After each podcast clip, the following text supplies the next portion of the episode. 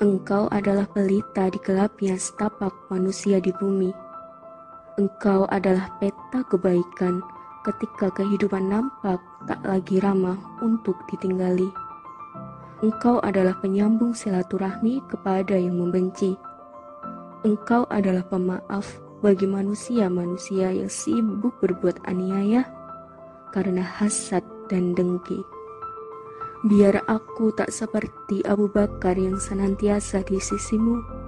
Aku tetap ingin mencintaimu dengan lisan yang selalu berselawat kepadamu. Biar aku tak seperti Umar yang senantiasa melindungimu. Aku tetap ingin mencintaimu dengan tak pernah alpa menyebut namamu di dalam doa-doaku. Biar aku tak seperti Usman yang senantiasa mengorbankan begitu banyak harta di jalanmu. Aku tetap ingin mencintaimu dengan menginfakkan waktuku untuk meneladani akhlak muliamu.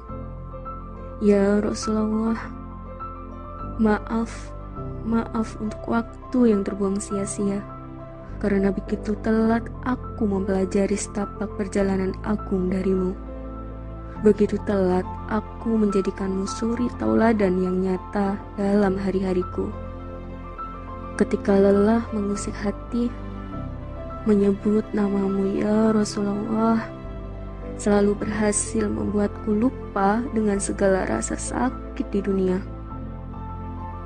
Karena aku menyadari ujung perjalanan yang sesungguhnya adalah menjumpai engkau di dalam jannahnya.